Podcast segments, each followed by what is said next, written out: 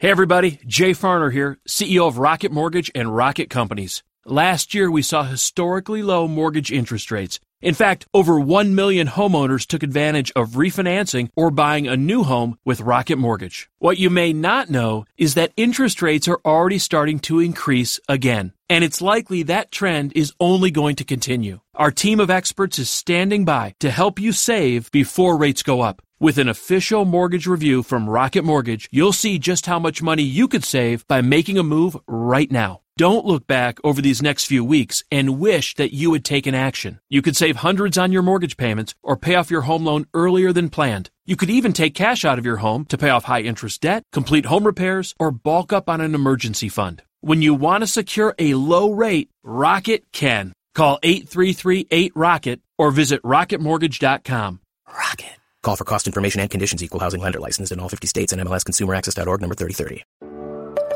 This is what matters most, and I'm Matt Popovits. Look, life is crazier than ever, and lots of people, maybe even you, are feeling anxious and overwhelmed.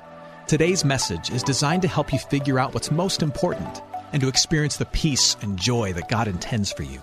Because life is a gift, and it shouldn't be wasted on worry. I'd like to give you a resource, something to help you navigate the road ahead. Just go to mattpopovits.com, click on the icon, and we'll send it to you. That's Matt, P-O-P-O-V-I-T-S dot com. And hey, if you happen to live in the Houston area, I'd love to see you on a Sunday morning at St. Mark in Spring Branch. Head to stmarkhouston.org to plan your visit. Here's today's message. Thanks for listening. Uh, there really isn't a single setting in our lives where we're not under the authority and the influence of somebody else. So, for example, tomorrow morning when you walk into your favorite Dunkin' Donuts on the way to the train, when you walk into that place, you are technically under the authority of its manager. And the manager of that Dunkin' Donuts, she may be half your age, but she's the boss when you walk into that place. Uh, the television show that you'll watch tonight, as long as you're sitting in front of the TV, you are under the influence of somebody else. You may pay for it, you may push a button on your remote that says power, but it doesn't mean you have much. Because, because somebody else, somebody else sets the schedule. And, and even if you DVR, you stream online like me and my family, somebody else writes the scripts. Somebody else determines what gets to be on. Somebody else determines that, that shows about buying houses should be your only option, right? Somebody else is making these decisions. And while most of the time we're okay with it, we're okay with the fact that we are always under the influence and authority of other people, every once in a while, we're not. We feel the urge to belittle our boss, or we feel the urge to despise our parents, to, to kind of find a way to work around our government, or we feel this urge when we get bad service to flip a table in the restaurant. Every so often, probably more than you care to admit, the authorities above you become a problem or a pain to you. And so the questions we have to answer today are this Where does that angst with authority come from? Where does that, that gut feeling that we are bothered by the fact that there are people over us who influence us and have charge of us and we can't change it? Why does that bother us so much? Where does that come from? And what is the attitude? What is the attitude that God expects us to have with those people that we are under? What's the attitude God expects us to have? So that's what we're going to look at today. So first, let's go to Romans chapter 13. Romans 13, we're going to start at verses 1 and 2. And this is a pastor named Paul. This is what he says. Let every person, that means all of us, let every person be subject to the governing authorities. For there is no authority except from God, and those that exist have been instituted by God. So everyone in charge has been instituted to be in charge by God, which kind of blows our mind when we think about it. Therefore, whoever resists the authorities resists what God has appointed, and those who resist will incur judgment. Now, remember, uh, Paul is a pastor who is, who is ministering in a time when Christianity is under, is under um, harsh treatment by the ruling authorities. And so, even as he's being persecuted by the Roman government, he's saying, for the most part, you should try to obey the authorities that are above you. So, it takes some character for him to say this. Uh, but really, the point he's trying to help us understand is when we look at this idea of authority, of people being in charge, when we look at it through a biblical, faith filled lens, one of the first things we have to realize is that all authority, all of it, has been established by God and is an extension of his authority over us. So, all authority has been established by God and, and is an extension in some way of his love and care and rule over us. In other words, in order for God to keep this world running, in order for Him to provide for this world, and in order for Him to maintain this world, God has established certain structures in this world. God has designed a world where we need things like government, we need commerce and trade, we need education, we need the institution of marriage, we need the dynamic between parent and child, between boss and employee. Every element that's required for this to be an ordered planet has been put in place by God so that we would live in an ordered planet. And every person who's taken on some kind of title within that order has been allowed to take that place by God. So let's think about this. Slow moving governments that congratulate themselves far too soon on how they've handled Ebola. Established by God parents who pry into your business, and even though you're now 40 years old, still think they know everything about your life. Established by God. Bosses who love to boss. That's all they know how to do is boss. Established by God. Traffic cops. They're from the devil.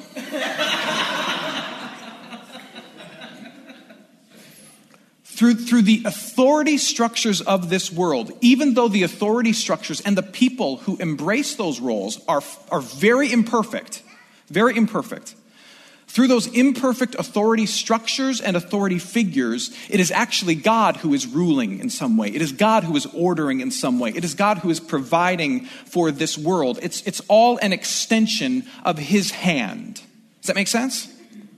In fact, Paul goes so far as to say that if, that if we choose to rebel against the authority of someone above us, be it at work or, or in the city government or just in our family, that we better be sure that they are truly misusing their power, that they are truly acting in a sinful, ungodly way, and that we better be able to face the consequences because otherwise, to disrespect authority just because we don't like authority is actually to disrespect who? God. Which, just a heads up, I'll give you a preview what the rest of the book says, is not a good thing. So, where does this come from? This, this angst we have with authority, even in our understanding that authority comes from God, where, where does this bothered heart when it comes to the authority above us come from? Why is it that we tend to think we can do a better job than almost everybody else above us? We assume that it's because all the people above us are idiots, which in certain cases is true. But I would argue that our angst with authority isn't actually about the person above you. This is where we're going to get into some deeper theological waters. I would argue that, that our angst with authority is actually about our deep seated disdain for God that every human being wrestles with. Our issues with earthly authority flow from the Garden of Eden. Let me remind you.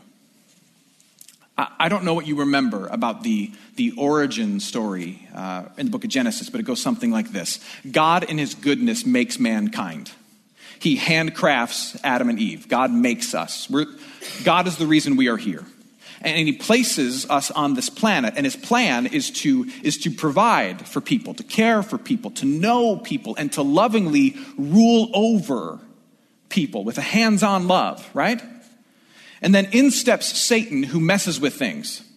He, he gets mankind to question God's character and to find fault in God's ability. And he gets mankind to see itself as victims of his leadership rather than beneficiaries of his leadership.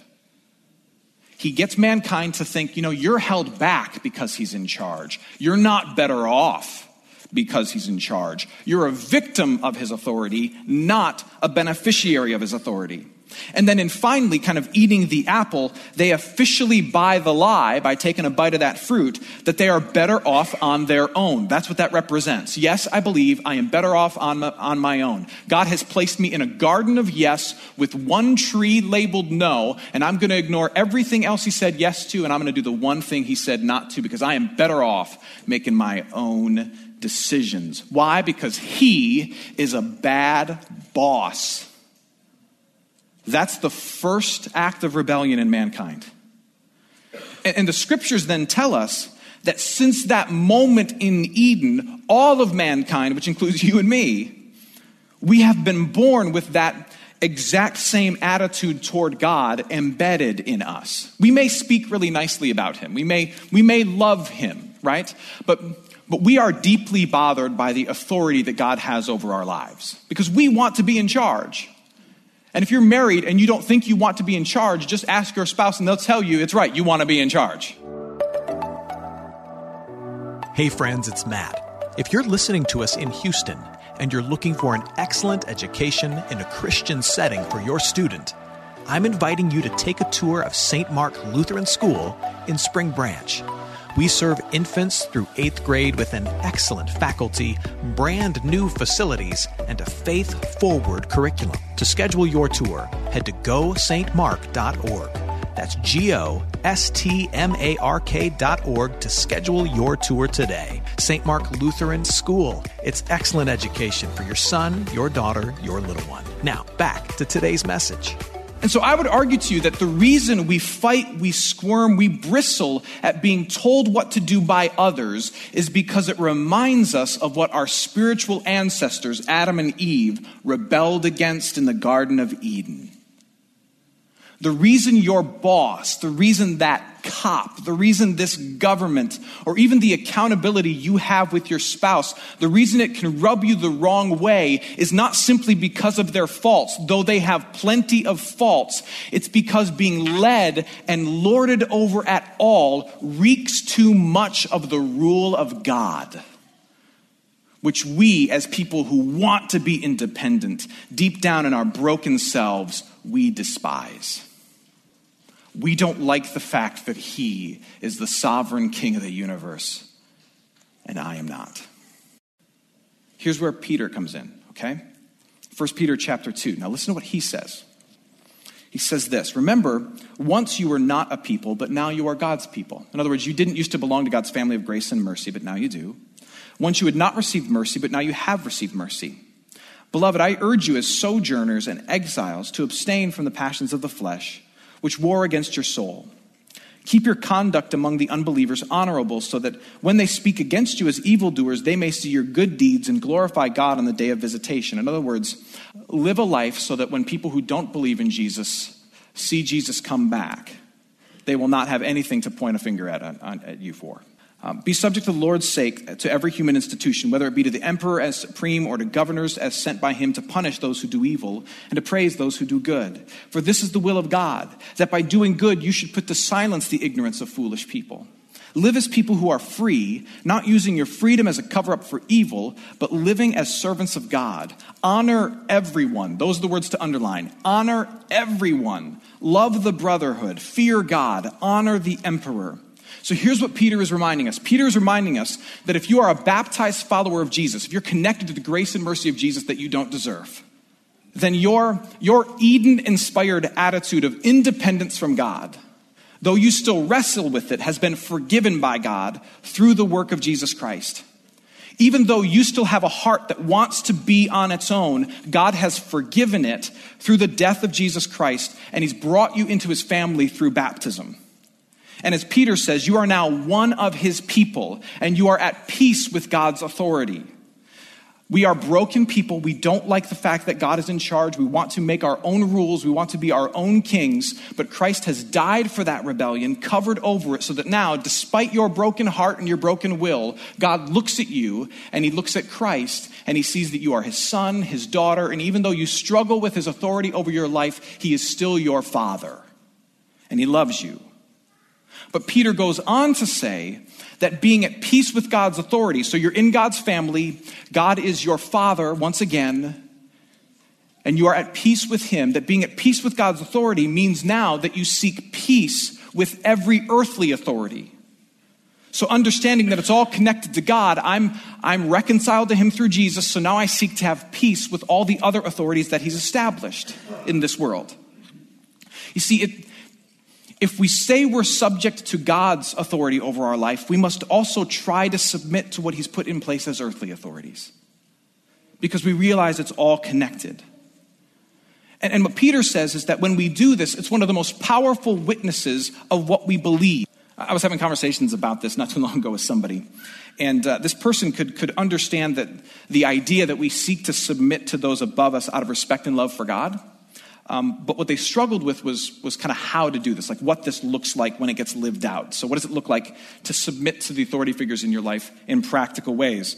So, in, in wrestling with it, I broke it down like this I would offer to you that to fully submit to someone in a God honoring way means that you offer them three things. You're willing to offer them three things that you may think they don't deserve, but you give these things to them anyway. You give them respect, grace, and obedience. Give them respect, grace, and obedience. Here's what I mean by that. First, respect means that you give them the honor that their role deserves. And you refuse, you refuse to do anything that would undermine their dignity with others. So when you're with others, you refuse to gossip about this person. Or when you interact with that coach, that parent, or that supervisor, you do small things to signal your respect for them, which can be really, really tough. You do small things like you make, you make eye contact with the person you can't stand. or, or when the conversation comes to a close with the boss that bothers you, you say thank you. Or you call them by their proper name or their official title unless you're given permission to do otherwise. Not because it's easy, not because you enjoy it, but because you respect the role that they play in God's world, even if you don't respect the person that they are. And because you have peace with God through the work of Jesus Christ, you are free to have peace with them.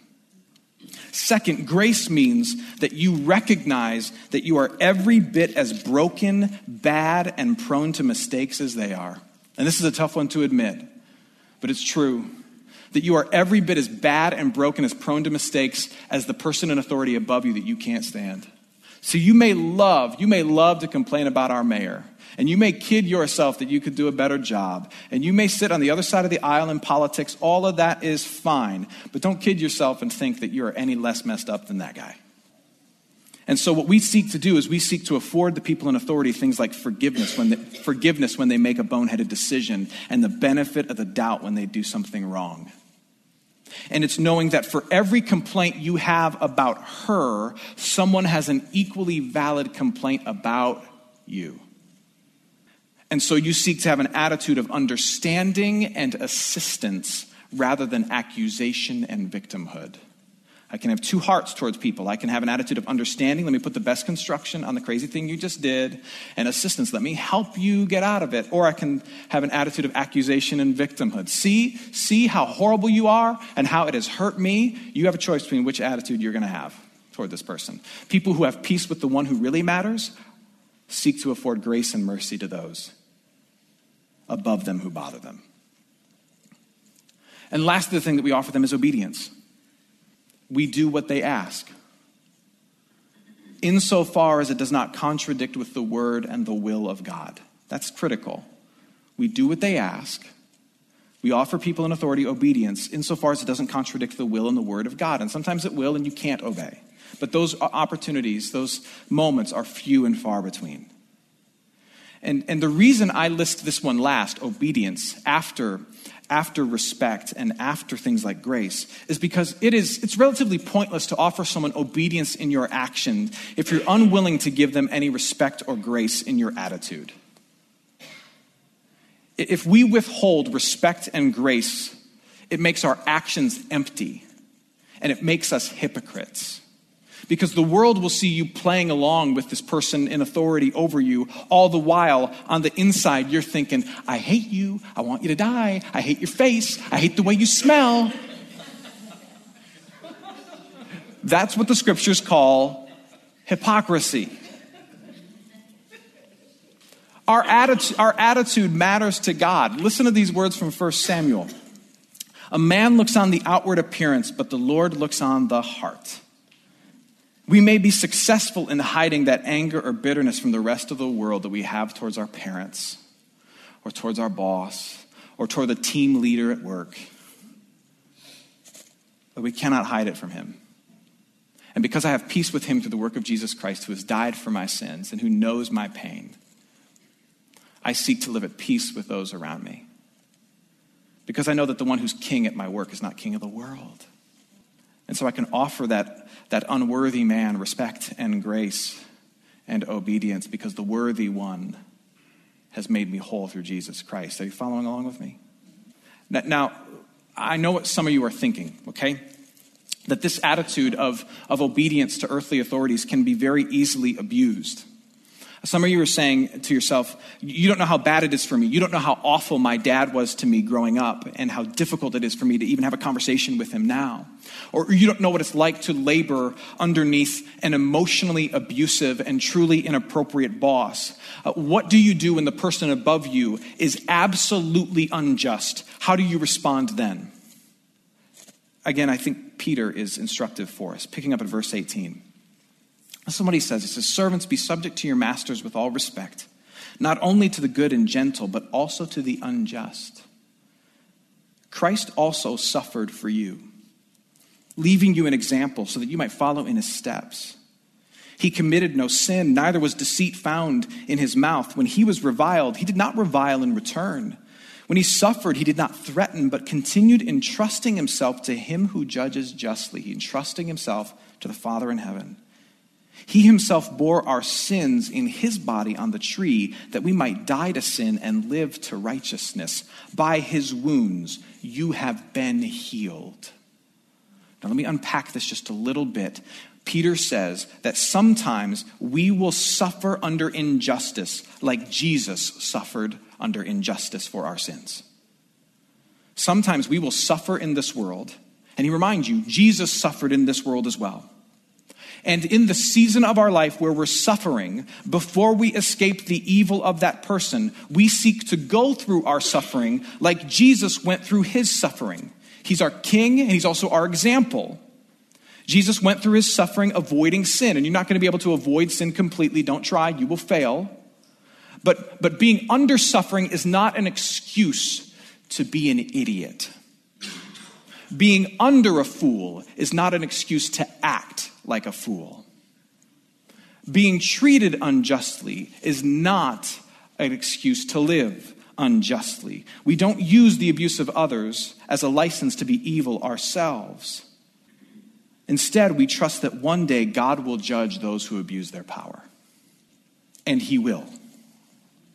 The promise of Scripture is that when Jesus returns, He will judge every abusive dad every evil boss, every tyrant teacher who has never repented of their evil and claimed the forgiveness of Jesus Christ, he will hold them accountable for what they've done. The abuse that others have levied on you has not gone unnoticed and it will not go unpunished. Our God is a God of justice. And we trust that as we labor under injustice. If you have ever been under the rule of some unjust authority, God wants you to find peace in the fact that your suffering is not unnoticed and that it will be made right when Jesus returns. And, and, likewise, He wants you to know that you have been healed by the suffering that Jesus has endured for you. Uh, the, the stripes on His back, Peter says, the abuse that He went through, was God's instrument to forgive all of your sins, and you are free. And He also joins you in all of your pains, so that you have a partner in your abuse who knows what you've been through. The abuse of another does not define you or own you, Jesus does.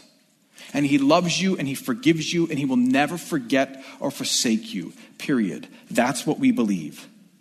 In the meantime, the question remains do you have to respect the truly unjust authorities around you, the people who really abuse their power? And I would say to you, yes. But here's how. When someone is truly abusing their God given role, the most respectful thing you can do is not simply endure it, no, but to work through the proper channels to have them removed from that responsibility. And the way you respect them is to put up boundaries in your life so that they can no longer make a fool of themselves and sin against God by being cruel to you. So, what does it mean to live under authority in a godly way? It means understanding that all authority has been established by God to give us gifts from God. It means confessing that most of our issues with authority stem from our sinful desire to be free from Him, not just free from our boss. It's pursuing peace with those over us that reflects the peace we have with the one who created us. It's submitting, and it's knowing that the needs that we have have been met by Jesus, and that those who abuse their power and act like idiots on the last day will be judged by Jesus. That's what it means. Hey, it's Matt. I hope you enjoyed what matters most. Here's what I need you to know life is a gift, and it shouldn't be wasted on worry. I want to help you figure out what's most important and to experience the peace and joy that God intends for you. So, for more content, you can head to mattpopovits.com. That's Matt, P O P O V I T S.com.